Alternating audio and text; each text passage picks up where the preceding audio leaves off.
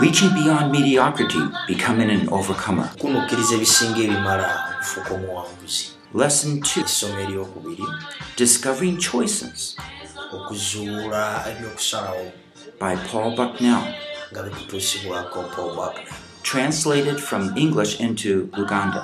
nga livvuunuddwa okuva mu luzungu okudda mu luganda Why not take a step ahead in your spiritual growth? Bw'otwala eddaala lwaki totwala ddaala lisingako mu kulako okw'omubiri Produced by Biblical Foundations for Freedom. nga kikutuusibwako biblical foundation for freedom emisingi egy'eddembe gya bayibuli www.foundationsforfreedom.net. www foundation for freedom net Releasing God's truth to a new generation. okusumulula amazima ga katonda eri omulimu omupya earlier on we were going through a sheet. And basically uh, what we want to do on that sheet is to look at two or three of the top scores. If you go down how many do you have any sevens? You want to circle those.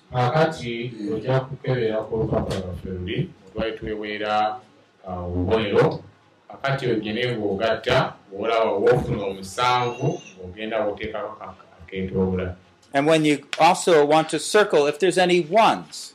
Kakati ne waba awali emu emu emu ng'ogenda weetooloozaawo uh, circling number ones are probably ones and threes. If you focus on two or three of them you might see those are the areas that god wants to use you to encourage others. Kakati bw'onootunula n'osanga olina emu ssatu emu emu ssatu awanaasinga ennyingi ezo ti mukama wayagala osennyesera okusobola okuzzaamu abantu abala amaanyi so you can see that god has trained you in certain areas and he's enabled you to cons- with consistency to live through them. Osobola okulaba bulungi nti waliwo ebitundu ebimu by'obulamu bwo. Mukama wakuyambye n'okola bulungi era awo n'osigala ng'ogenda maaso. And you'll find that there's other people that aren't like that. Ate waliwo abantu ababa batafaana bwe batyo it's because you know something you believe something you live out something that they do not do. But if we look also on the sevens and, and perhaps the fives it depends. You'll find that those are areas that you need to work on weetaaga okukivaako ennyo nsobola nti okukiyimusa kibeere ekirungi those are ways the lord wants to work in your life. Byebyo ebitundu mukama byayagala akoleko abezza obujja and you know he wants to develop you in those areas. Era okimanyi nti mukama ayagala akole ne mu bitundu ebyo otafunye obubonero bulungi. And it's good to start asking the lord maybe take one or two of those areas and see how god can start training you in those areas. Era okusinziira ku kwekebera kwaffe nga weetaaga okutwalayo essaawa obudde obulala. Nogamba mukama naye mu mbeera eno sikola bulungi kusaba enyambe uh, for yourselves you might find another pastor that does well in those areas.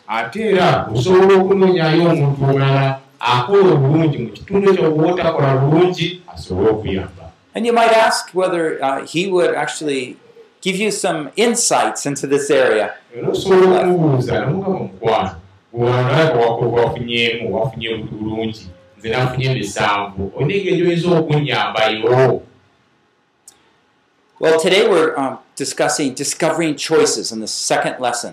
Kaakati mu ssomo lyaffe lyaffe eryokubiri tugenda kwogera engeri gy'osobola okuzuula okusalawo. We focus on establishing hope now we're moving on choices. Akati ensoma eryasoose twasimbye nnyo essiira engeri y'okunyweza essuuli akati tugenze engeri okusalawo often when we run into those areas where we lose hope we don't think we really have a choice anymore.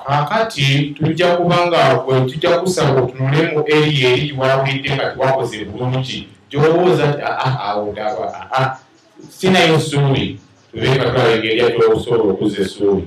But we find that actually we do and in this path of discipleship era nga tugenda okulaba engeri gy'oyinza okukolamu mu kkubo lino ery'okukola omuyigirizwa god is building a great confidence in his word. Era mukama aba atuzimbamu okwekkiririzaamu okw'amaanyi munda mufe now we went over psalm 119 to remind us and, and to review how we can use God's word to grow. era tujja kubeera nga tuddako n'emabega nga tutunulayoko tuyinza ty okukozesa ekigambo kya katonda okusobola okula And we find those passages maybe that we're reading by ourselves early in the morning, and he begins to bring insight and counsel into the needs that we have.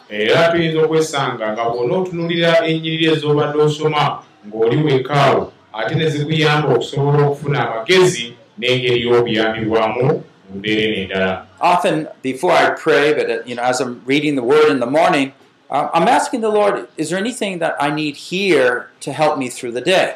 owange bulijjo nga sinaba kubikkula ekigambo nsooka n'ensaba naye bwe mba nsaba ngamba mukama naye wa mukama waliwo ekintu kyonna oba ekigambo kyona kyoyagala manye olwaleero kinyamba okuyita mu bulamu obwa olwaleero You see this type of hope, right? Somehow God wants to use His Word to help me. era olaba nti bwe mu ssaala yange waliyo essuubi era mukama aba ayagala okukozesa essuubi eryo okwennyamba Now, I'd like to turn to 1 Peter 1.13. katugende petero ekisooka essula emu olero kumi nesatu We'll find in 1 Peter 1.13, he begins to focus us.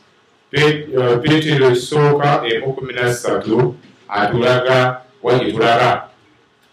Therefore, gird your minds for action. Keep sober in spirit. Fix your hope completely to be brought on the grace to be brought to you at the revelation of Jesus Christ. 1 Peter 1.13. petero ekisooka emu kumi nasatu kale musuubirenga musibenga ebinywi by'amagezi gammwe mutamiirukukenga musuubirirenga musuubirirenga ddala ekisa ekiribaleetebwa yesu kristo bw'alirabisibwa And so the first thing we notice, there's uh, three commands here. Ekisooka tulaba wano ebiragiro bisatu. The first one says, gird your minds for action. ekisooka kigambye nti musibenga ebinywi byammwe by'amagezi- gammwe. Now, what if you read this early in the morning? And what is it trying to what is God trying to say to you?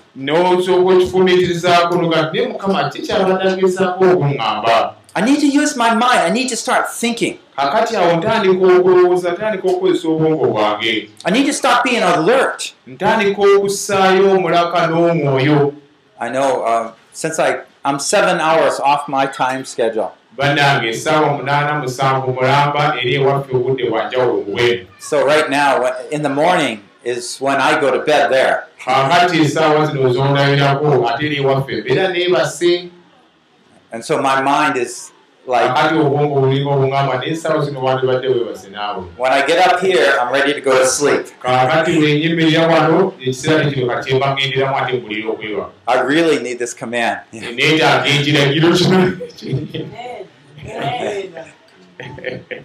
But you know, we have to ask the question. Well, Lord, is there anything particular you want me to think about? Mukama bw'oŋŋamba okusiba ekimu ky'amagezi gange waliwo kyoyagala ndowoozeeko olwaleero I remember uh, a pastor I knew, I knew well. waliwo obusumba bw'enzugidde bwemanyi obulungi He fell into im- immorality. yagwa mu kikolwa eky'obwenzi The Lord really reminded me at that time. era mukama The Lord's prayer, right? Lead me not into temptation.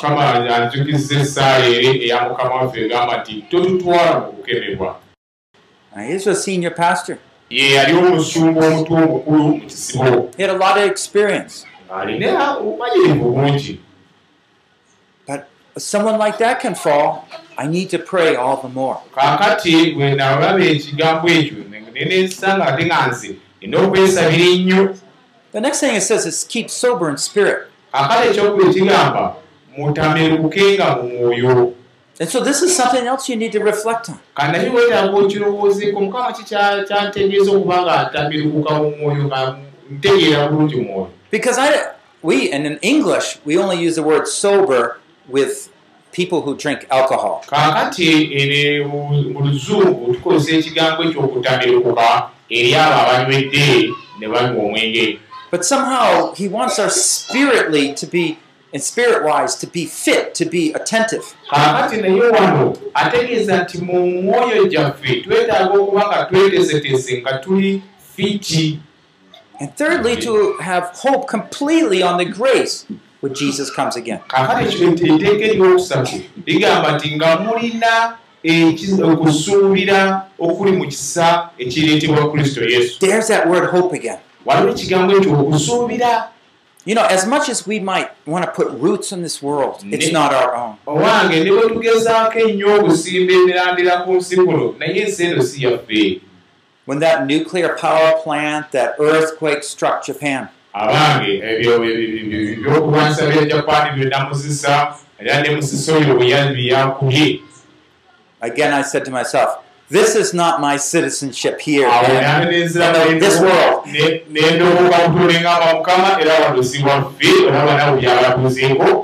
At nighttime, we share with our family. Uh, I have a family devotion time.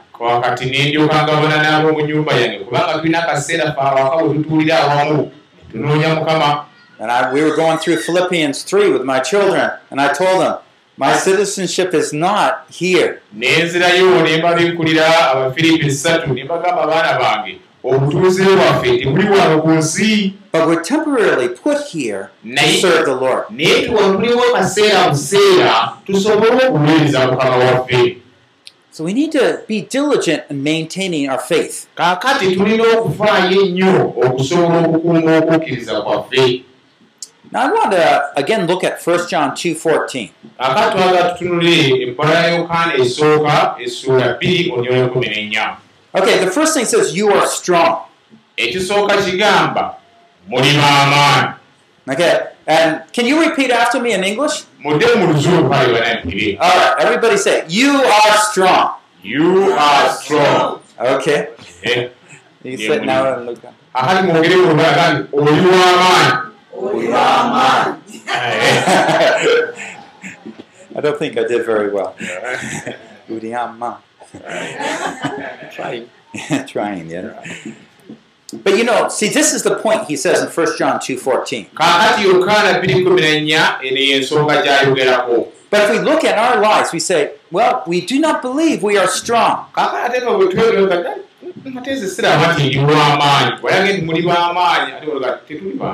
And the result of that is I feel weak. So I want you to know here, what we believe will shape how we feel. kyetukkiriza kigenda kusalawo n'okutukola ki engeri gyetugenda okuwuliramu But I want you again remember, what we say we believe is not necessarily what we do believe.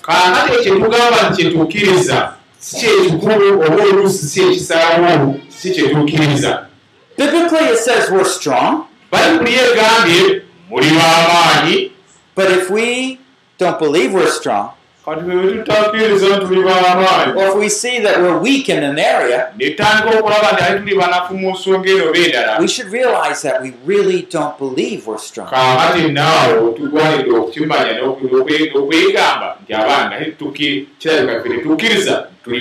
Somehow our faith has gone astray. Kuwalidde You know, sometimes, like physically, right? Some, maybe I, I look, oh, I look very bad. I, I feel red faced. oluusi nga nempulira bubi nnyo kakati mulaba nefeesi yange emyuse akasana ke wamwe wano My nose is running. I'm coughing.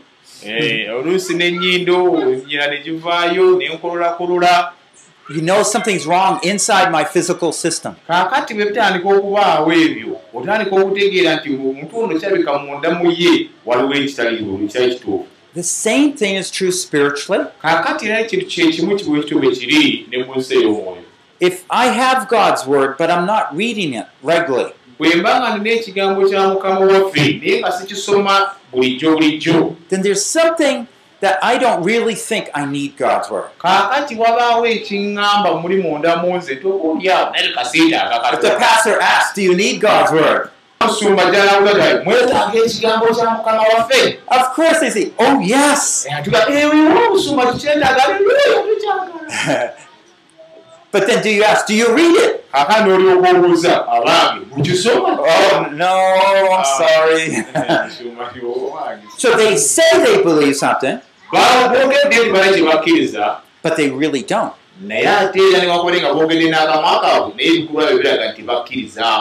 You believed it was important for you to be here at these meetings. wakkiriza era kwe kwakuyambye And I know someone had traveled many miles to get here. Why? There was something he believed that was important.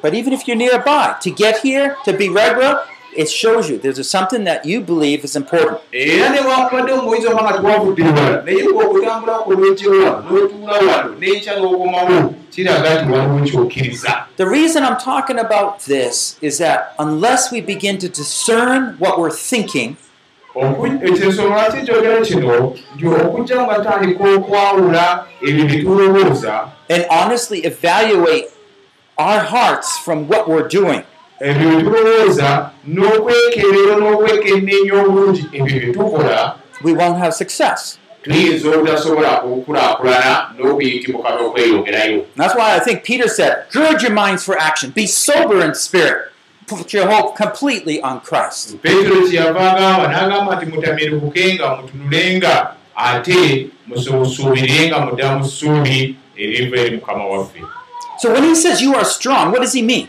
Bw'agamba nti muli b'amaanyi. Kikyabategeeza Think of yourself as a big giant, kakati weewuuzi nga nalukwano obunene. Strong. oli w'amaanyi And these little people come up to you. Ate nga waliwo bano abatonotono abajja mu maaso go. And they say, Oh, uh, we're going to hurt you. But they're so small. naye nga butonotono bwogera bwonna You akyaka just step on them. kati ng'osobola okumulinnya mpaka ku mutwe No threat. nga totya You feel strong. osigala ng'oli w'amaanyi weekakasa Do it the other way. akati kikyusa ne sayidi eri You're small. nga waliwo akasajja And you're looking up at the giant. akatini bwe kati And he's to step on you. akati nga kitululeeko nti nga gwe kasajja akatono akayimiridde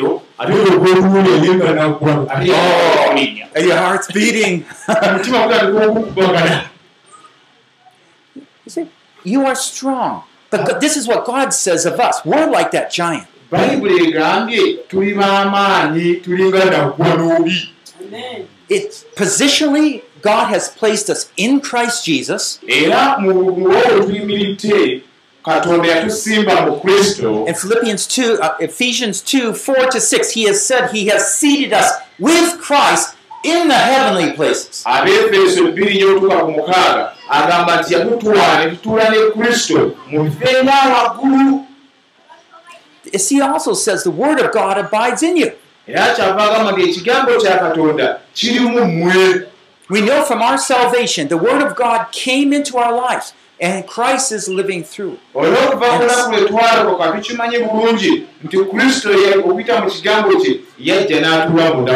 But the problem is we often don't look upon the word of God as being that important to our growth. era ebiseera ebimu tetutuulira kigambo kya katonda ekyo ekyayingiramu ffe nti era kyetwetaaga okusobola okula And so often we would feel helpless. Ebiseera ebimu ne twewulira ng'abatalina muyambi abatalina mundasi We can't do anything about tetulina kirina kukikolera kino it.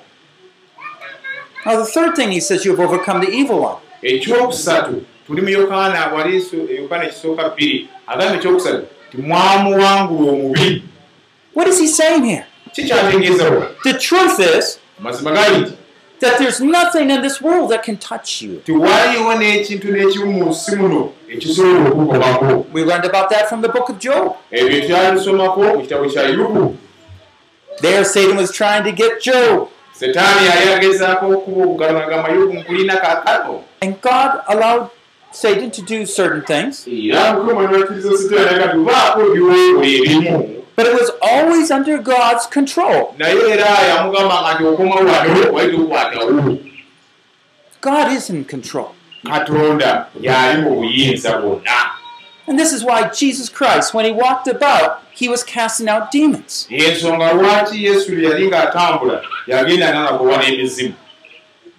Now, the problem is that we often don't believe we've overcome the evil one. ekizibu kiri nti ffe tetukkiriza nti omubi twamuwangula dda Theologically, we know it.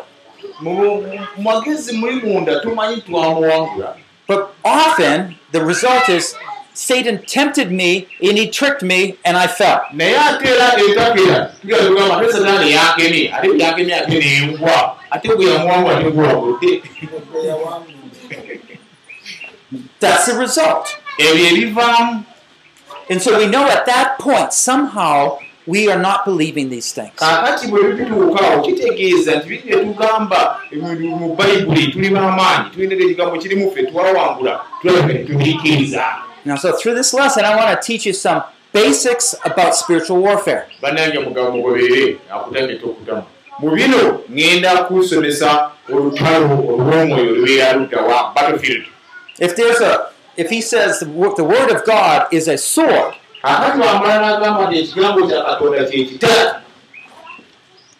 we have to learn how to use it. okuyiga engeri y'okukikozesaamu And so we're going to give some tools and try to train you in those tools.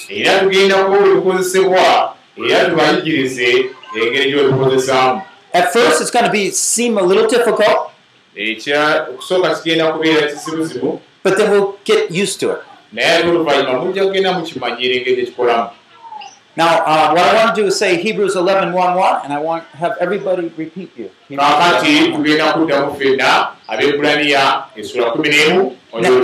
Hebrews 11 1. Now, faith is the assurance of things hoped for, the conviction of things not seen.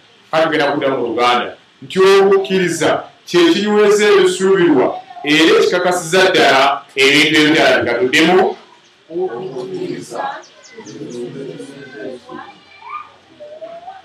Phrase by phrase, they can repeat. That's fine. kaakati agande tugenda kuddamu okukkiriza kyekinyweza ebisuubirwa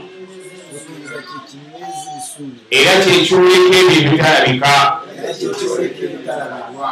amin Amen. Now, this is the important part about faith. kaakati kino ki- ki- kigambo kikulu nnyo ekikwata ku kukkiriza Faith is not based on making untrue things true. okukkiriza sekuddira biri ebitali bituufu okubifuula ebituufu Biblical faith is based on the truth, on what is real. kaakati okukkiriza okwa bayibuli kwokwesiganyizibwa ku bintu nga bwe biyimiridde nga bwe biri And so we have, on the one hand, the Word of God, what is true. akati tulina wano ku mukono guno ekigambo kya katonda nga kituufu ddala On the other hand, we have what we feel is true. kaakati ne sayidi eno tulinawo kirala kye tulowooza kyekituufu And then we think what is true. We have to start shaping ourselves so the Word of God is shaping what we're believing. kaakati tutooka okwekolamu omulimu ekigambo kya katonda ne kiba nga kyekitukolamu omulimu okukkiriza ekyo kye tukkiriza See, the, the battle is really going to be over what we believe. kye And the same is true when we go out evangelizing. The battle over is faith. Kaakati ne bwogendera okuwulira enjiri era olutalo luyo olunene kukkiriza But my, my point here is that when we fail in one or more areas, it's because we are not believing the thing, what we think. nti oba olemererwa mu kitundu ekimu eky'obulamu bwo kitegeeza nti tokkiriza mu kitundu ekyo eky'obulamu mw'olemererwa. Peter says, gird your minds for action, because in the mind is where we're going to fight. kubanga petero agambye nti mutamirukukenga mu lw'ebikolwa ebirungi kubanga mu birowoozo byaffe mwe tututamba tutandikira. Let me give you an ex- illustration. kambawe ekyokulabirako Maybe I, I see a woman over there, oba kale senge- oba oba osenga nabo omukyala wali. And I, I look, nenkubayo ebimu bwe nti and, and so the thoughts in there, oh, isn't she attractive? This is a battlefield already, right? So there's that woman, there's me, and there's Satan and his angels. n'emizimu Demons. gye He's trying to persuade me to give in to temptation.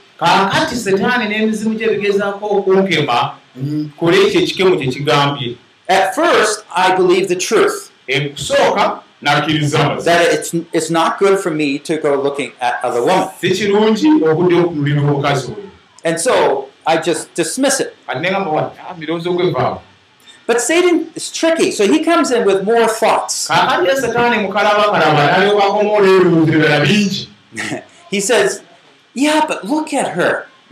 Tunne okutunuza ejjase lyose lyokka Trying to get my eyes focused. kaakati agezaako eriiso eryokubiri ligezaako okwongera okwetegereza See, if my eyes can get off, then he can bring another thought in my mind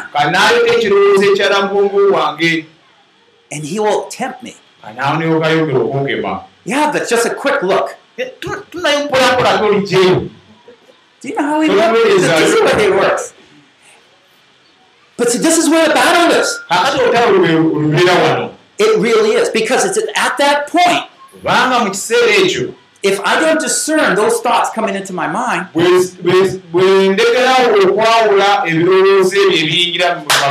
I'm going to fall. And it's just right there. It's the same with pride and other issues. This is the, the issue is that we have to realize this is the battlefield. kaakati abooluganda tulina okukimanya nti olutalo lutandikira mu birowoozo And hope is going to be the thing that helps me go through there that I can get over on the other side. kaakati essuubi lye ligenda okunnyamba okuwaguza mu bikemu ebyo okutuuka eruddala lyolala Now, let me take the same example. Let's say I don't have that guard of truth there. kati singa mba nga sirina kyakulwanyisa ekyo ekyamazima And you see her, nemukubayo nekubayo eriiso and, and you take a quick look, neza teneza eryokubiri and eryamangu Satan just say, Well, you know, look how many times you fell in the setaani past. nangamba wange gotululayo neyogera otuleza omulala You, just, just forget it. I mean, you know, you just enjoy. omunyumi gweko You see, what he's using is trying to strip away your hope that you can live a righteous life. kati sitaani kyagezaako okukola kwe kubbako essuubi lyo tigwosobola okutambulira mu bulamu But see, if obutuufu he can strip out your hope and your faith, then there's nothing to keep you kati bw'aba nga asobola okuggyako essuubi n'okukkiriza nti gwosobola okutambulira mu butuukirivu awo sitaani aba akumaze Hope is the seed of faith kati essuubi y'ensigo ey'okukkiriza that God can make each one of us a godly man and woman. That's our hope. essuubi lyaffe ne libeera nti ffenna abali wano mukama asobola okutufuula abasajja n'abakyala ba katonda Oh, let me ask. Let me ask you: kabaluwa ekibuuzo Are you happy if you live eighty percent righteous? obeera musanyufu bw'oba ng'obulamu bw'ebitundu kinaana ku kikumi ng'oli mutuukire obeera musanyufu See, you can look down and see, hmm, I'm, I'm better than everybody else. How they're doing. Now, eighty percent is not good. You want hundred percent. weetaaga obeera ekikumi ku kinaakyo You want to ride above temptation. That's what God has given us in Christ Jesus. We don't have to fall. Now we're going to train you how, okay? Eh, You know, in Ephesians 2:12, ab'efeso 212 it was describing unbelievers. They have no hope. They're without God in the world. Without God. Nga tebalina katonda mu nsi They can't rely on God. era tebasobola kumwesigamako But we do have that hope. And when we begin to say, wow, God, you can make me ride above temptation. era singa tusobola okugamba nti mukama nina essuubi osobola okunyamba n'empangula ebikemo bino byonna In your heart, you say, okay, I'm ready for the ride. kati omutima gw'ogugamba eha ojja kukisobola And, and therefore, you're looking to God's word to support you to do it. kati nolyoka olukebera ekigambo kya katonda kikuwa amaanyi osobole okubiyitamu ansuubiddewo amiina nammwe Satan wants to destroy hope.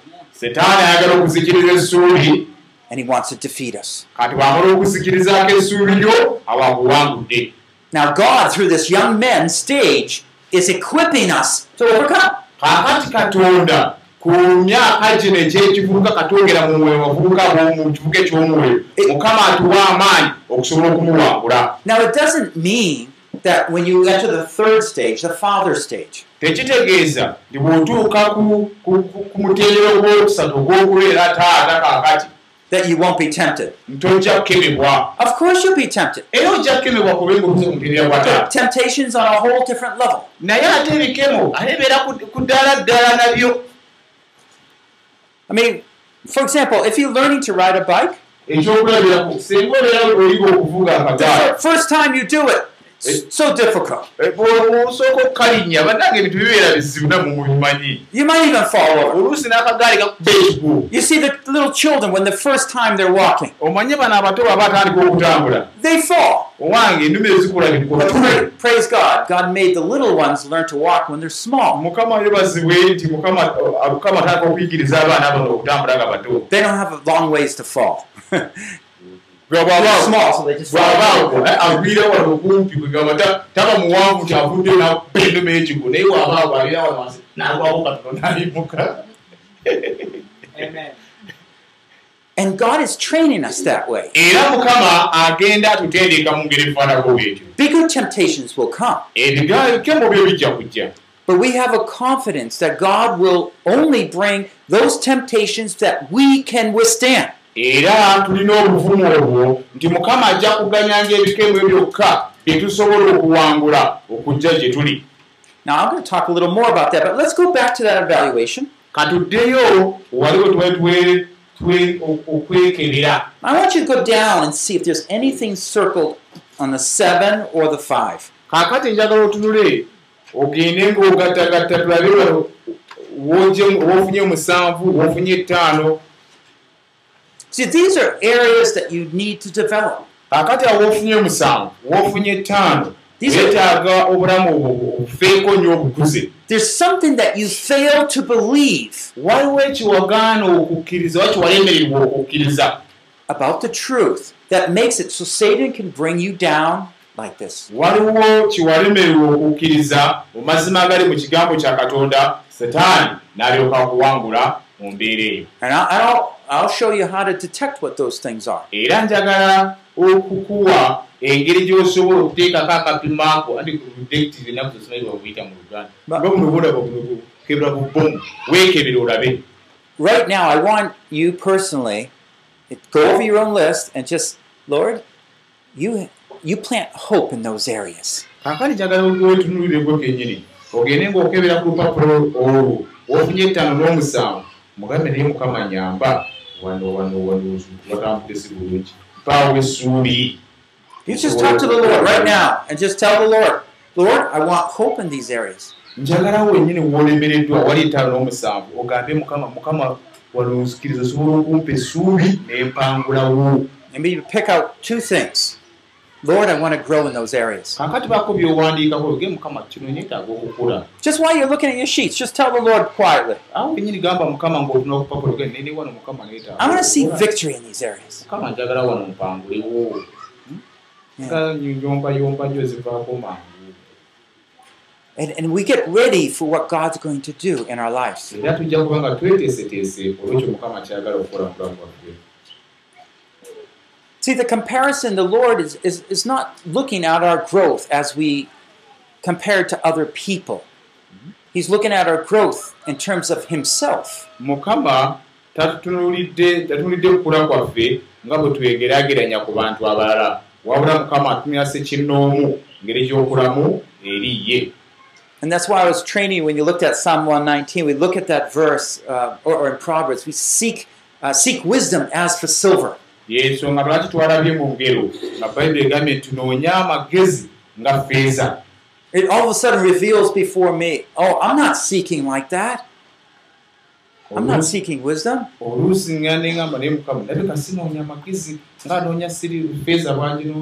Maybe I'm too prideful. I already think I know it. Do you see how that verse can reveal pride?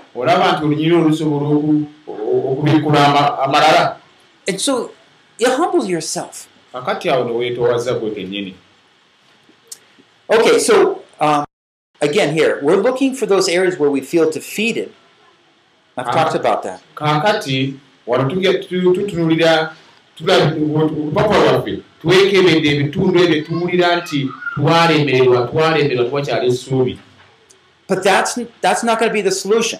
Kaakati ekyokugamba nti wano byannema byannema si ekyokuddamu It will lead to the solution. akati twagala ate tufune ekyokuddamu It's just like if there's a lot of ants that coming around kiringa bwoyinza okuba ngaolina enkuyege nyingi nga ziridderidde ebintu byawe and you want to get rid of them.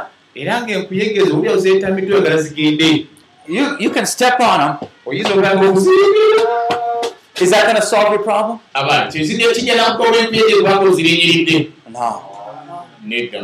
How are you going to solve your problem?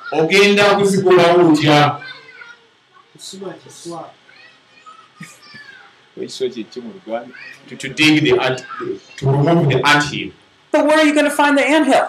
kaakati ekiswa ogenda kukisanga kyo kiri luddawa lwazo nga zatambudde okuva eri ku muliraano ne zijja ne zirira enewo nga zitava mu buwo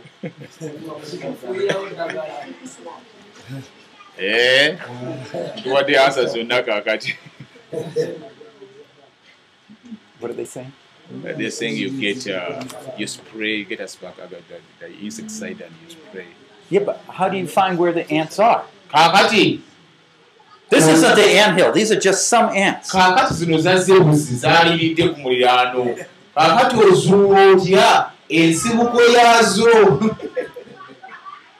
kunoonyereza ekkubo emwe zijja ziyita You search for the way where they come from. Exactly. mukubirirwa mu ngalo nkulu Now, what I want you to know the battle's in the mind, and the key to victory is going to be able to see what you're thinking. kaakati ekisumuluzo ekinaakutuusa ku buwanguzi kwe kusooka ne weetegereza ye birowoozo ki birowoozo ki byolina mu mutwe gwo Now, I know often people think, I, especially women, have more of a problem, but they feel bad, right? They feel terrible, they feel depressed. Eh, abantu abasinga obungi balowooza bwe bana ddala abakyala baba n'ebizibu bingi bawulira bamaliddwamu amaanyi bawulira nga balinga abanyigirizibwa balinga abatafiibwako And they, and they think their problem is their feelings. Let me just say the feelings are, are not the source of the problem.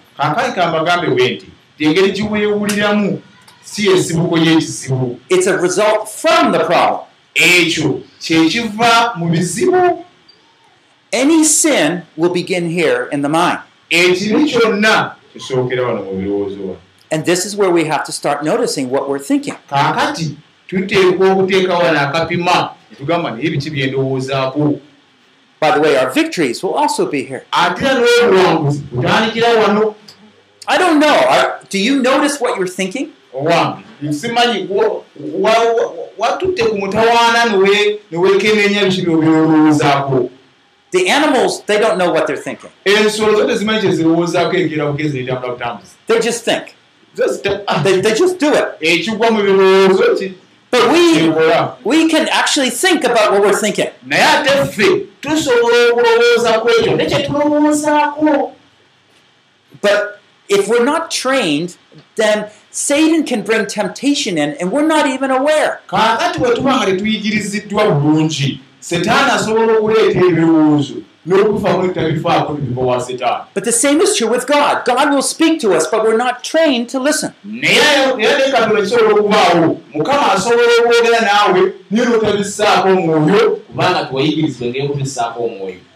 Now, what God wants to do in our lives is to have us to live a righteous life. Psalm 1 6. zabbuli emu olyoba mukaaga For the Lord knows the way of the righteous, but the way of the wicked will perish. zabbuli emu mukaaga aga nti mukama amanye ekkubo ly'abatuukirivu naye ekkubo ly'ababi liribula There's a very big difference in the way we live. kaakati waliwo enjawulo nene nnyo mu ngeri ffe gye tubeerawo Proverbs 2:20. engero bbiri abiri So you will walk in the way of good men nti tambuliranga mu kkubo ery'omuntu obulungi and keep to the path of the righteous. era okuumenga amakubo ag'obutuukirivu Now, if we really want to understand spiritual growth, it is an issue of the development of our faith. kaakati bwe tuba nga twetaaga okutegeera ngeri gye tukulamu kwe kukuza okukkiriza kwaffe Faith is the same thing as what we believe. kaakati okukkiriza kiri kyekimu n'ebyo bye tukkiririzaamu Okay? So that's spiritual growth. kati awo oleera okula mu mwoyo Okay, so I want to point out three choices that we have. kaakati kankubulire tulina ensalawo ya mirundi esatu gye tusalawo The first is our confidence in God. Ekisooka kwe bwesige waffe mu katonda So we can put our confidence that God will help us. tusobola okuteeka obwesige bwaffe mu katonda n'ogamba katonda ajja kunyamba Another problem, we might have what I call misplaced confidence.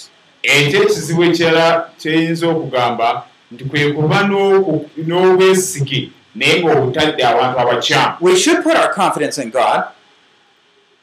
Maybe we have some problem. oba olirawo nga tulina ekizibu We should put our confidence in God, tulina okuteeka okukkiriza kwaffe mu katonda but we turn around and put our confidence in someone else. naye mu kifo ky'okuteeka mukama n'oku- n'okukyusa mpolampola n'okuteeka ate mu muntu omulala So, for example, when I was reading Exodus 32, ekyokulabirako nadde nsoma ah, it was when Moses went up to the mountain and got the Ten Commandments, and he comes down and he hears something in the in the village and the people down there. What happened? Joshua said, "Oh, it's a battle, maybe." No, Moses said. The people begin to play. This is an aberration of faith.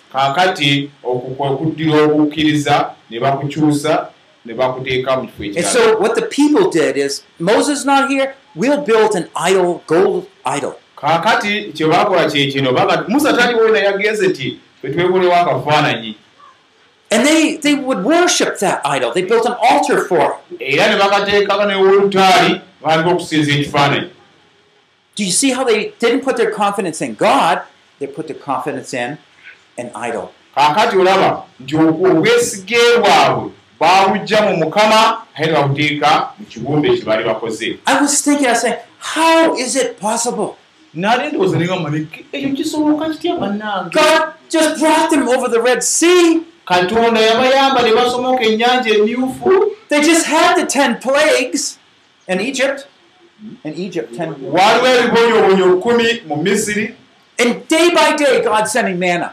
era buli lunaku mukama yabasuuliranga emaana And the same people will say, maybe God's not there. era abantu be bamu ne bakyuka ne bagamba kyabika katonda taliiyo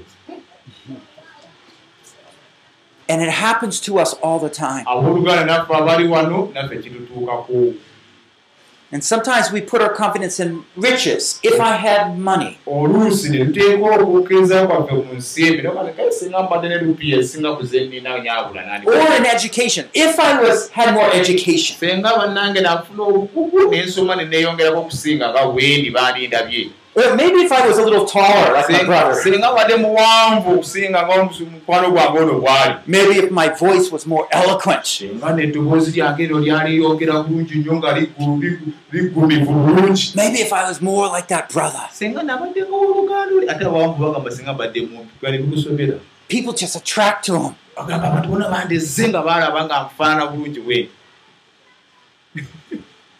What do you when when you say if this could be, oh I wish this would happen. kati kiki ekibaabuli lwogamba nti singa singa kino kyekibaddewo singa mbadde bwendi It's a sign ako kabonero that you have misplaced confidence. nti obwesige bwo obujje bwona obuteeka watuufu obutadde abantu abakyamu But can you pay attention to what you're thinking? oyinza okuddamu n'olowooza n'ogayagaya mu birowoozo byo byolowooza Now, sometimes I, I have a project I'm working on. nina omulimu gwenkola Actually, I have always I have tens and tens of projects bulijjo mbeera ne project project nyingi byokola bingi And and then I, I, I say to myself, I said, oh, if I had some money, and I stop right there. olumu nga nenga senga mbadde ne sente nyingi nenga aa gwe kirowoozo ovaawo naawe nekiggalawo Be- because what if I'm saying? kubanga kyengenda okwogera You see, I've trained myself because sometimes I have no money. oluseera lukubeera nga asiina munange lupiiya I have eight children. abaana nina munaana I have a faith ministry. nina obuweereza obuweereza bw'okukkiriza Only two churches give us a little bit. kanisa bbiri zokka ze zituyambakoko I don't know where everything else is coming from. ebirala byonna ensimbi ezituyamba zivaawa But you know, I could see a growing ministry if I could have more things being done. era oba olyanga neŋamba singa obuweereza bandibadde bweyongerako ne bukula ne bweyongerako singa mbadde But if I don't catch my mind, if I had a little more, and all of a sudden I wake up and I say, hold it, hold it. This is idolatry. naye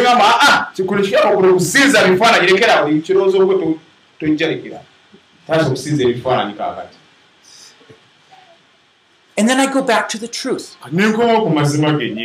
No, I want my confidence in God. If God wants to bring more money in, then He will do it in His time and His way.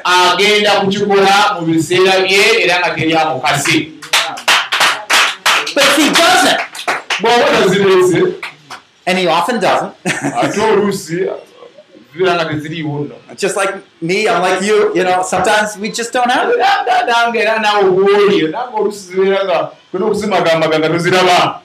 I'm shaping my mind and I'm telling the truth. I have all that I need to serve the Lord with my whole heart. nina ebyo ebimmala okuweereza mukama n'omutima gwange gwonna You see, the Lo- Lord sometimes abases us, makes us go low, oluusi nno mukama yennyini akkiriza n'atutowaza n'atuteeka wansi and sometimes He lifts us up. ate oluusi n'atukwana omukono gwange n'atwambusa waggulu But if we're not ready to go up, naye bwe tuba nga tetwetegese ate kwambuka then we run into temptation. oluusi tudduka ne tugenda n'ebikemo And so God is concerned about our inner development. Kati ye mukama afaayo nnyo ku muntu oli obw'omunda engeri gy'omutendeseewo gy'omukuzizaamu Remember that woman that had a bleeding for t- 12 years? mujjukira omukyalo oyo yali alina ekikulukuto emyaka kumi n'ebiri In the scriptures, it says she went from doctor to doctor to healer. bayibuli egamba n'agenda wabasawo n'agenda wabafumu n'agenda nonya bamuwonya She was never healed. N'atabeeranga bulazo neyebase wano naye teyawona She spent all her money. ensimbi zonna n'azisaasaanya You see her placing her confidence on these different things. omanyi okukkiriza kw'omukyalo oyo yali akutadde mu bintu yali eno We shouldn't even put our confidence in medicine. abooluganda obwesige bwaffe bwema okubuteeka mu ddagala We have to, it doesn't mean you don't use medicine, but you go to the Lord and seek what He wants. tekitegeeza togenda tomera ddagala naye ogenda ewa mukama n'omubuuza mukama oyagala nkole ntya So we have confidence in God is one choice. Ah, okusalawo okusooka tulina okuba n'obwesige mu katonda We have misplaced confidence, confidence in the wrong thing. kaakati ekyokubiri tulina obwesige naye mu bintu ebikyamu the third thing is we actually don't have any confidence.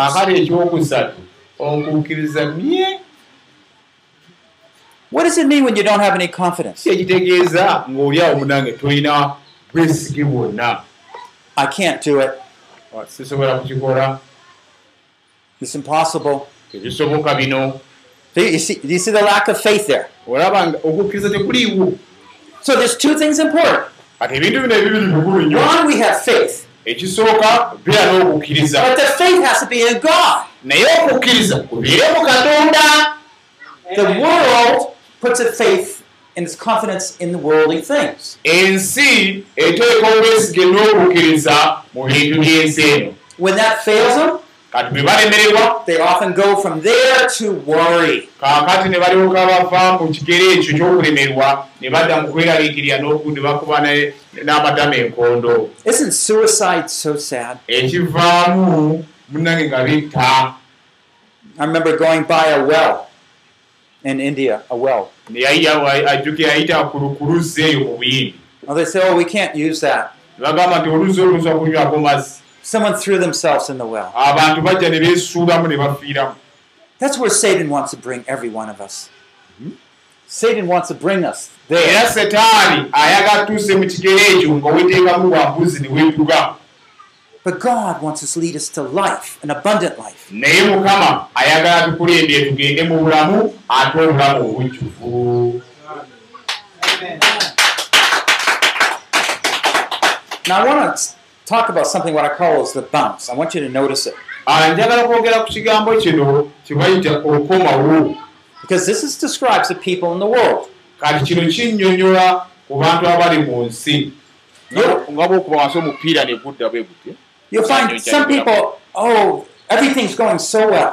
ogenda n'osanga abantu ng'ebintu byonna bitambula bulungi Then they lose their job buli mu guggwawo and everything is terrible. kakati awo eh, buli kimu ne kyonooneka So, what's the biblical response? kakati bayibuli eyogera etya ku mbeera ng'eyo I know it's hard. We all know it's hard when you lose your job. I know that. manyi- manyi nti bizibu nnyo oba ng'olina akalimu ne kakuggwako But how are we supposed to respond? naye ate olina okukola otya olina kwanukula otya ng'embeera eyo ebaddewo Do I, before I have a job, I think, well, good, I'm doing a good job. That, that's one side. But then you lose your job, oh, I'm nobody, I can't do anything. kaakati nga olina omulimu ogamba byonna birungi nkola ntambula bulungi banange byonna birungi mulimu bweguggwawo nogamba banange ndi bubi kaakati ate ebintu biganye. See, what God's trying to do in us manyi mukama kyakola munda mu ffe. is to build that response and trust in Him. Kwe kuzimba okuddamu okw'okukkiririza mu ye n'okumwesiga. Not in those things. Si mu bintu ebyo ebitwetoolodde Does anyone have any questions at this point? waliwo omuntu alina ekibuuzo wano wetutuuse oba ebibuuzo. We have three choices, tulina okusalawo kwa mirundi esatu. And what I'm going to be giving you in a moment kati kyengenda okubongerako ekirala uh, is another form that we can fill out to train us in this area. era yengeri endala yefoomu era gyetugenda okujjuza etuyamba okwetendeka mu ngeri eno Okay, so there's a God focused confidence, our faith confidence, belief. akati tulina okutunulira katonda okukkiriza kwaffe kuli mu katonda amaaso gaffe gali ku mukama There's that misplaced confidence. We have faith, but we put it in the wrong thing. naye tutulina n'okukkiriza okukyamiziddwa ne kuteekebwa ate mu kintu ekirala nga weekuli naye ng'okkiririza mu kintu kirala And that's that third group where we just don't have faith. kaakati waliwo gwe ekibinja ekyokusatu bo tebalina yadde n'akatonda ak'okukkiriza Confidence in God brings us to be able to rely on Him and fellowship with Him. kati okukkiriza mu katonda kutuyamba okukkiririza mu ye n'okumwesigamako Misplaced confidence means I'm self reliant, I'm trusting myself or whoever I'm seeking. kaakati okukkiriza okuwabizibwa ne kuteekebwa abantu awala kitegeeza nti olina okukkiriza naye we okkiriza nga weesigamye ku mulimu okkiriza weesigamye ku maanyi go ku mukwano gwali eki And so that lack of confidence where I just sense that spirit of giving up. kaakati oba- awatali kukkiriza oba omuntu atalina wesige wekyo eddala liri nga ogamba tebisoboka ebintu biganye n'owanika So I want you to turn to the end of lesson two. By the way, as we go through this book, I, I hope you're taking notes. Because I want you to take notes in such a way that you can teach these things. So what I'm not, what's not written down, or what you think is good, scriptures, or come to your mind, write them down. obange kyoba owuli okubikkulwa nga kuzze n'owulira nga waliwo ekyokutte nga n'owulira nga kirungi kakibe nga tekiri mu katabo kiwandiike I know the pastor's gone to a lot of trouble to find translators and get this printed. bannange omusumba ono yayise mu bizibu bingi nange yabinyumirizaako okusobola okufuna abantu abafulira obutabo And we thank him. naye tumukubireko mungalo bannange So, if we, at the end of chapter 2, though, ku nkomerero y'essuula ey'okubiri and so what we're going to do, um, there's the three categories on the top. kaakati kye tugenda okukola waliwo ebibinja bisatu waggulu wano mubiraba page kumi na mukaaga kumi na ttaano page 15 mulabyewo waliwo obubokisi busatu I want you to look at these three, uh, these words underneath. Kaakati njagala osome ebigambo bino ebiri wansi wano ebigambo ebisaasaanye ku lupapula And I want you to put every one of these words in one of the three columns. kaakati ebigambo bino ebisaasaanye ku lupapula obiwandiike oba obuta- obutaba na bugumu oba obugumu obu- obutunuulidde katonda ng'ogenda ojjuza mu bokisi buno buli wansi Okay? Now, just as I was describing, space batuwadde entono naye nga butuna okubiteeka uh, for example, I can do it. I can do it, that kind of spirit. kakati self ambition kwe kuba nga gwe oweeyagaliza oy- oyina oyina that self drive gwegagali sobola okubikola sobola okubituukiriza But we're going to take these words and, and we'll talk about them. And I want you to put them in different categories, the best you can, okay? kakati gweojja kusoma ebigambo byo ebiri wano wansi obiwandiike mu bubokisi wano waggulu okusinziira nga gwe bw'okiwulira Okay, so the first column is the lack of faith, right? Lack of confidence. Yeah. Olu- olu- olunyiri oluso akola akabokisi akasooka oba gu- aka- akagurupu akasooka be bantu abataliina bu- buvumu bwonna So I can't do it. ng'ogamba ekyo sisobola kukikola Okay? And this side, uh, this is in the middle, I can do it by God's grace. kaakati wano wakati ng'ogamba kyosobola okukikola olw'ekisa kya katonda ngambedde And the other one is I can do it through some other means. kaakati wena wasembayo ku mukono ogwa ddyo ng'ogamba nsobola okukikola mu ngeri yange singa gundi anyambako singa gundi naye nteekamu kaashi z'okukikola Okay, so let's just take five, ten minutes. You can either write the words up there or you can draw a circle and point them. ya osobola oku ebigambo kubiwandiika wali waggulu oba osobola okuddira ekigambo n'okyetoloozako kasaako n'otwala akanye akalayini ne kagenda ne kasonga mu kabokisi okusinza ku kigambo ekiri wano waggulu nga bwobadde okirowooza Page 15. Any questions?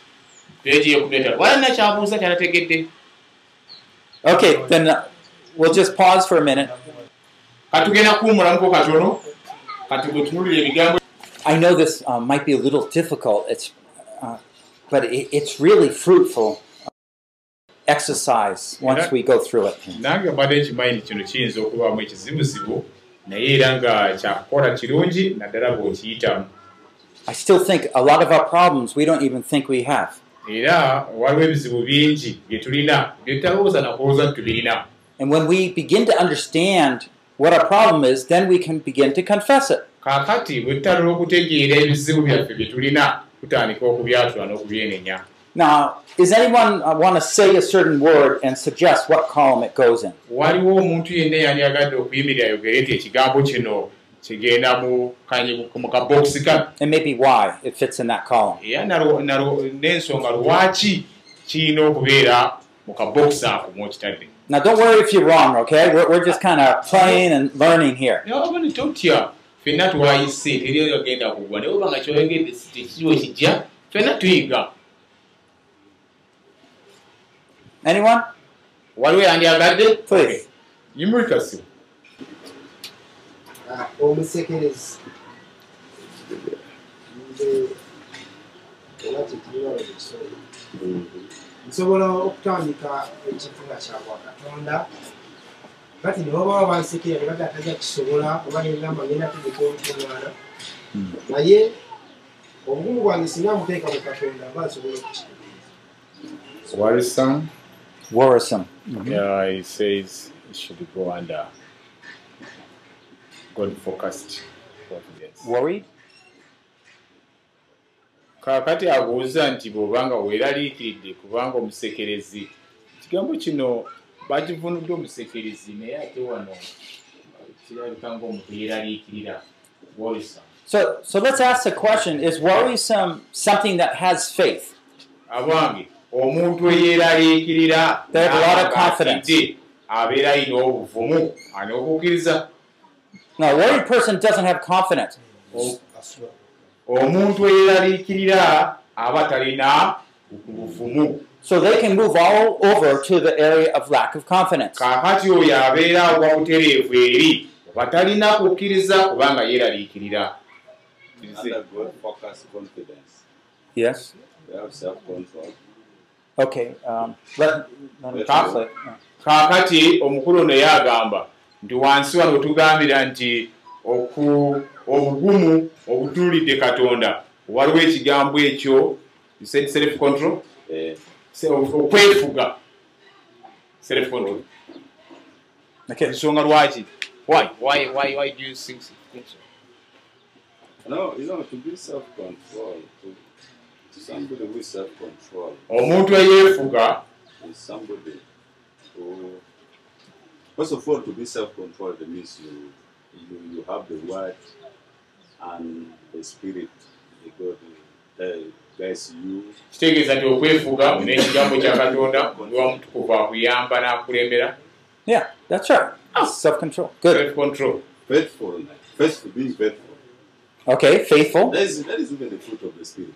obwe again ekyo kyo obwesigwa kibala kya mwoyo Okay, so he pointed out a secret here kaakati wano alabika alina ekyama kyagotola the fruit of the Spirit. ekibala Love there. n'agamba n'okwagala kulina okubeera kabokisi naka wakati Do you see what the Spirit of God? You can see.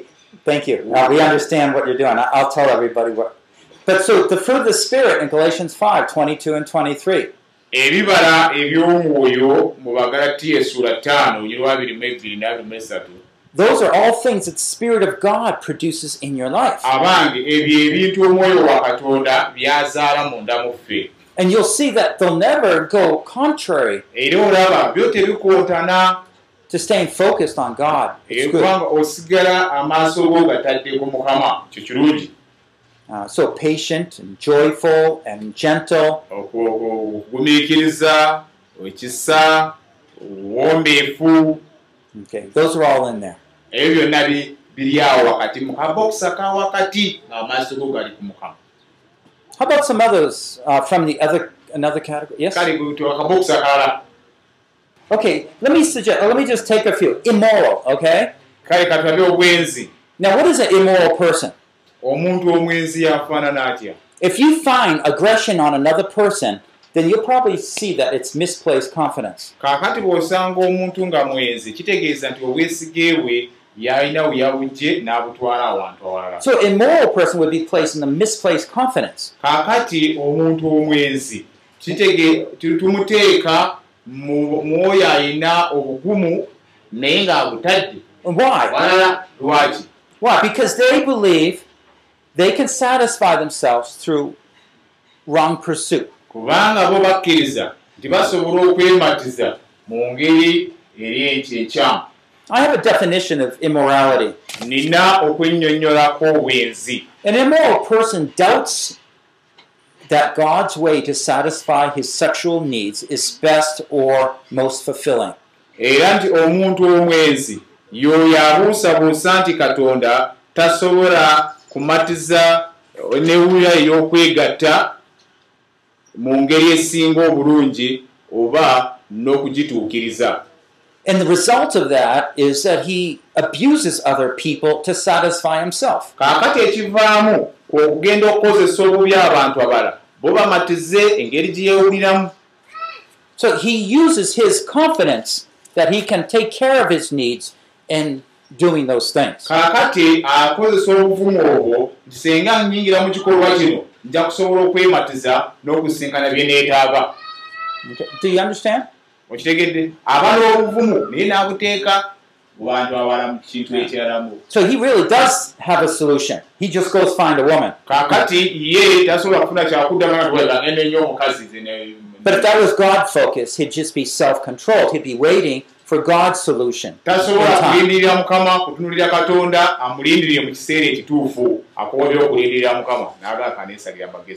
do a few more. Another one?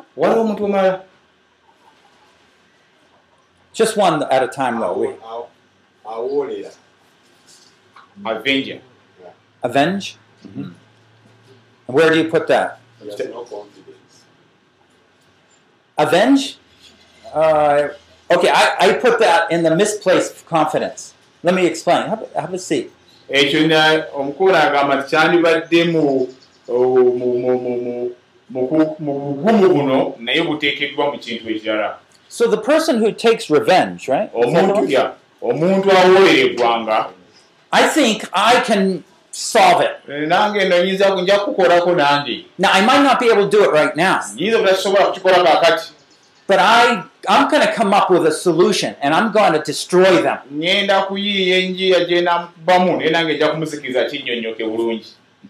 That's how I understand revenge. Ah,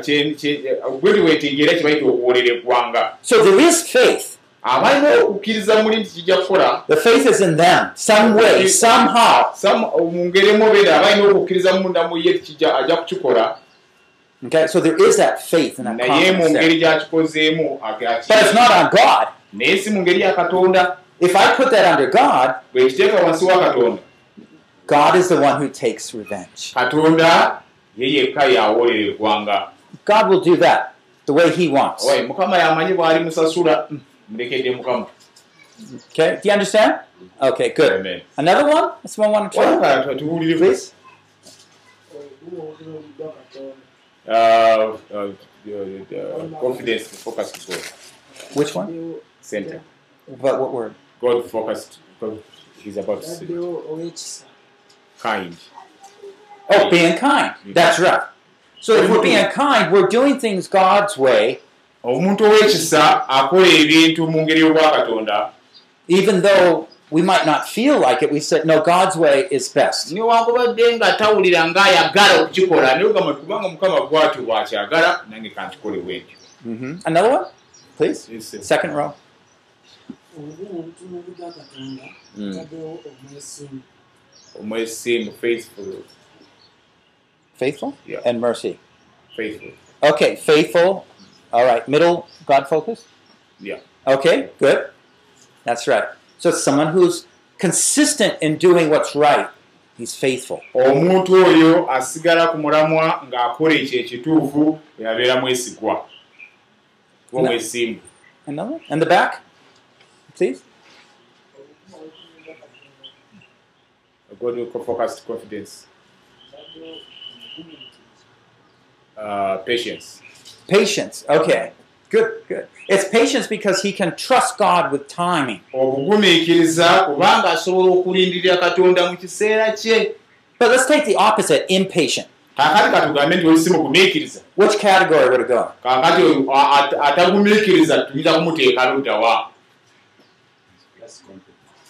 Which one? Misplaced confidence. Yes, Misplaced, misplaced. misplaced. Because I can do it. You know, I'm going to do it my timing right now. sijja kulindirira bya mukama bw'anajjira nze kangene byekolere kubanga tagumiikiriza Good. Couple more. uh, God focused confidence and anxious. Anxious. Anxious goes over. See, anxious is not good. Kakati okubeera ng'otabuddwa tabuddwa si kirungi Tomorrow we're going to have an old whole hour on how to overcome anxiety. enkya tugenda kusoma kuba n'essaawa namba nga twogera ku ngeri gy'osobola okuwangulamu okutabwatabulwa See, Jesus said, "Do not be anxious." Right? omanyi yesu yagamba nti bana nti mweraliikiriranga Okay. Lack of confidence. He doesn't have any faith. Talina nakukkiriza kwonna gamba bwabeerawo nga natabulwa tabuddwa talina nakukkiriza kwonna He doesn't have a solution, so he worries. talina kyakuddamu yeraliikirira bweraliikirizi Okay. Good. Uh, We're we're working these out. That's okay. kuba tisi birungi birungi Yeah. bweyogera nga tukwataganya By, by the way, if you have schools or anything, you know, to teach people what, especially God-focused confidence, these traits and define them, it really helps a lot. bw'oba ng'olina essomero lya- ly'ababayibuli n'obasomesa eh, God's co- God co- focus confidence obugumu obutuulire katonda mazima kiyamba okuzimba abantu bano Okay, let me give you one. What about anger? kambubuuze bannange obusungu bugwawa Which category? Anger. obusungu bugwawa oba okusaba kasooka kokubira kokusaba Second. Uh, akokusatu misplaced Misplaced confidence. Yes. So far category. Now, so why is anger that way? Because uh, let me see if I have a definition here. Oh yeah, an angry person does not believe that God's way of love can produce the right results. Now,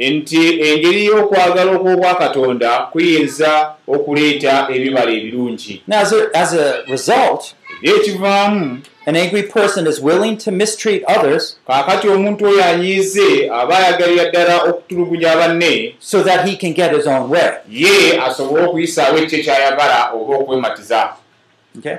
Now, we're going to have a whole section on anger, so I'll, I'll I want to say more, but I'll stop. kankansonga enyimirira tugenda kwogera ku busungu akaseera akawerako muli omulala Anyone else? Uh, any other ones you want to mention?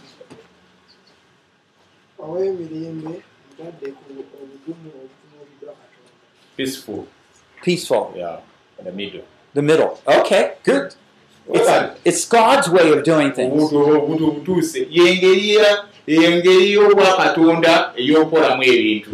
Hopeless. Yeah. Okay. Yeah. Okay, and what's the category? Lack, lack of confidence. Okay, yeah. He just has no confidence. atalina ssuubi era omunange aba talina nabu- da- aba talina bugumu bwonna by'omusikasuse kyagwe What about jealous? kakati tubuuze ow'obujja omuteekawa Anyone? waliwo ayokuwulira In the back was first. Where, where does jealous go? ow'obujja omuteekawa number one lack of confidence ow'obujja So when we start to find what you want to explain, where, where do you suggest? Why misplaced confidence? misplaced confidence. Ah, But why? lwaki omuteeka mu kabokisi kano akasembayo obugumu obutulire mu kifo ekyali mu kifo ekituufu lwaki omuteeka eyo wano waliwo akanyiriko bataddewo okwisiimisa omuntu gwe yennyini. Kaakati bw'abeera n'obujja aba ayeeyagaliza tayagaliza munne era kyenva namutaddemu kano kabogisi akasembayo a, a jealous person is always selfish. He doesn't want others to benefit, but he's always selfish and wants to take everything by himself. That's why he. So he's in control. That's why he put him that with that last box.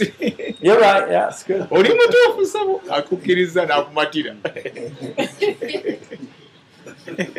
What about the defiant person, the one who kind of hates, he kind of goes against? a defiant person omuntu oyo akyawa? Akyawa He thinks he has control. You know, when you have control or that faith that I can do something about it, then that's oyo misplaced. awakanya era muteeka mu kabokisi kano akasembayo kubanga ebukiraga nti nze nja kubiwakanya nja kubisobola nja kubifuga balimba nabo bali bakoze tibiri ebituufu nze byange lying? What? Lying. kakati ate ono omulimba omulimba gwomuteeka luddawa Okay, good. oli mutuufu mwebale nnyo Now let me just define it for you. A liar. kakati kankunnyonnyole ekigambo ono omulimba A liar is not at all convinced that speaking truth is best. omulimba ono ye muli tamatizibwa nti okwogera amazima kyekisinga obulungi Okay, this is the doubt, right? He doesn't believe speaking truth is best in that situation. Nor does it result in the best results. A liar takes advantage of others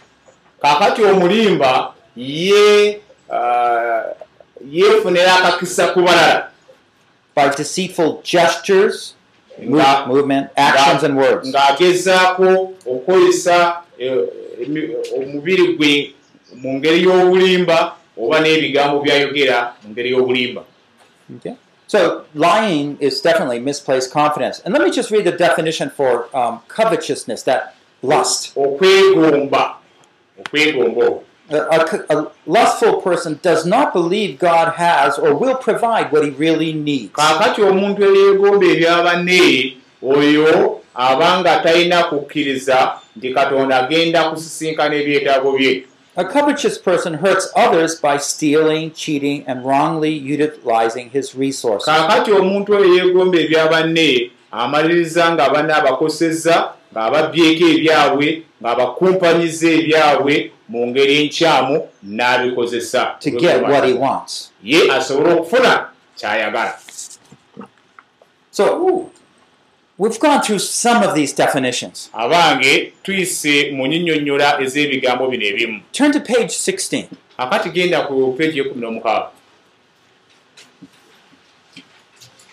The next page. You should have the answers there.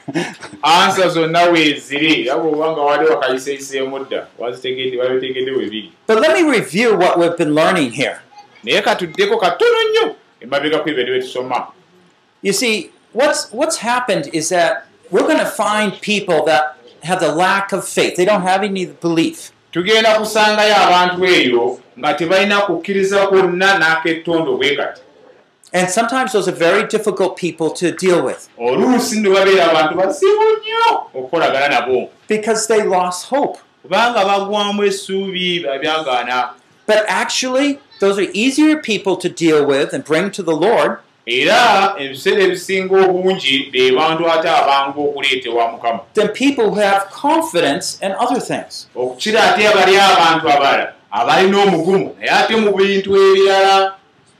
One brother was just explaining that maybe one factor many people in Uganda start seeking the Lord.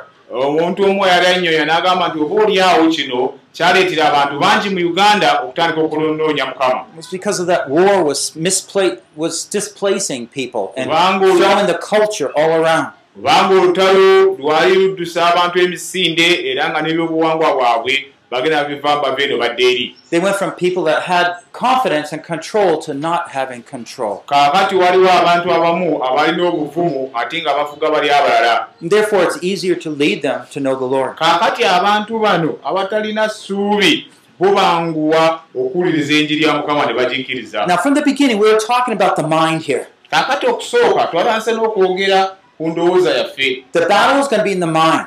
Olutalo luli mu birowoozo We need to keep, our minds active. tuteekwa okukuuma ebirowoozo byaffe nga biramu bikola bulungi And what I'm suggesting is that the clearer we can define what we're thinking and what we're doing, era kino kyenzikiriza tusobola kunnyonnyola obulungi ekyo tulowooza the easier it is to overcome. era bwe tuba nga tusobola okukinnyonnyola ne tulowooza bulungi gye tunaakoma okuwangula amangu And I'll show you how this works out more in the future. I'll show you how this works out in other lessons. era kyemmanyi tujja kuba nga ne betwongera okubinnyonnyolako mu masomo amala gaddako But God is trying to bring us from having no faith to faith in Him.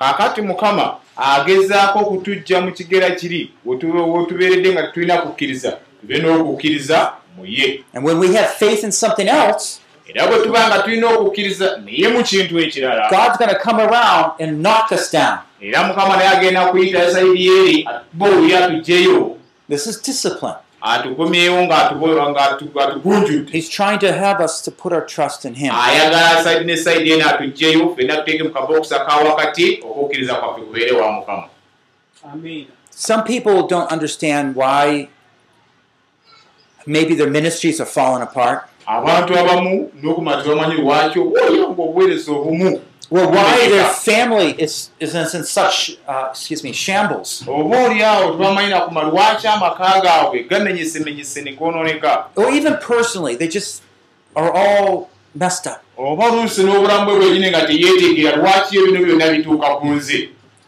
Can I just suggest that sometimes, not all the time, sometimes Oba- mbeeko kye- kyenjogera oba oli awo si biseera byonna naye oba oli awo obwolumu God is taking away your confidence in something that's not in Him. katonda alina waakutte olyoke ojja okukkiriza kwo mu bintu biri kukomewo mu katonda He has something better. alina ekisinga obulungi And He's leading us, even though through difficult times, to something better. era atukulembera newankubadde okuyita mu biseera ebizibu naye nga tukulembera ekyo ekisinga obulungi And you can see why during this stage of young men, yensonga lwaki tosobola okulaba nti wano mu kigera ekyokubeera omuvubuka that it's easy for them to, if they don't trust God, to kind of not grow. They, they're going to have problems.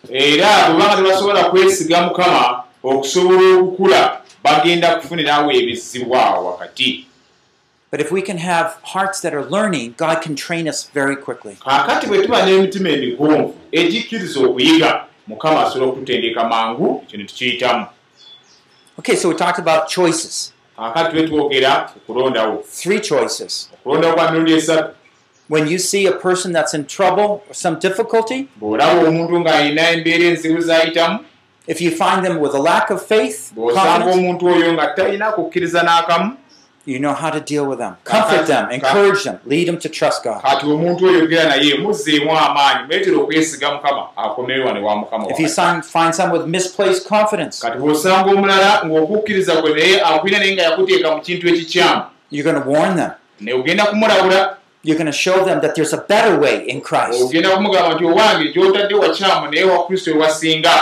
what do you do if you see someone that's doing the right thing?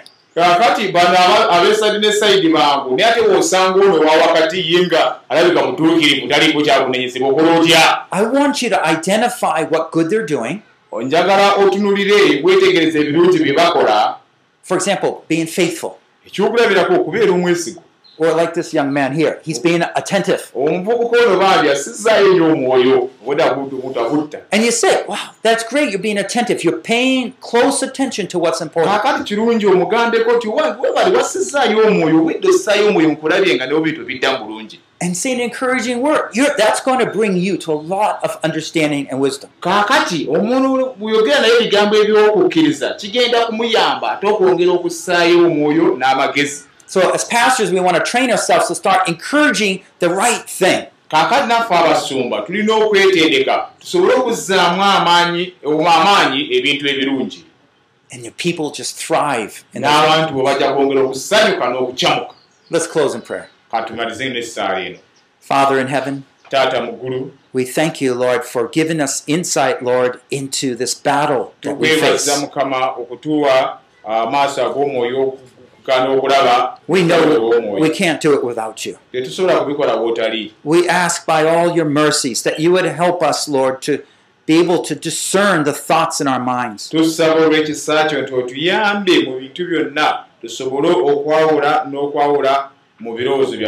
Be able to begin to understand what is good about good and what's bad about evil. Oh Lord, that we can grow to be like Christ. And even more, if we could be those people that could encourage others to be like Christ. Further equip us, O Lord. In the name of Jesus we pray. tusabye Amen. This concludes this session on reaching beyond mediocrity. kino kimaliriza amasomo agakwatagana ku kukkiriza ebisinga ebimala We hope that you might continue on listening. tulowooza tujja kweyongerayo lisuubi lyaffe okusomera okuyi Be a strong, spirit filled believer. osobole okubeera omukristaayo ajjudde omwoyo ate anywedde Lesson 2 essomo eryokubiri Discovering Choices okuzuula ebyokusalawo by Paul Bucknell. Nga bikutuusibwako paul buckner Translated from English into Uganda. nga livuunuddwa okuva mu luzungu okudda mu uganda Why not take a step ahead in your spiritual growth? bw'otwala eddaala lwaki totwala ddaala lisingako mu kulako obwobubi Produced by Biblical Foundations for Freedom.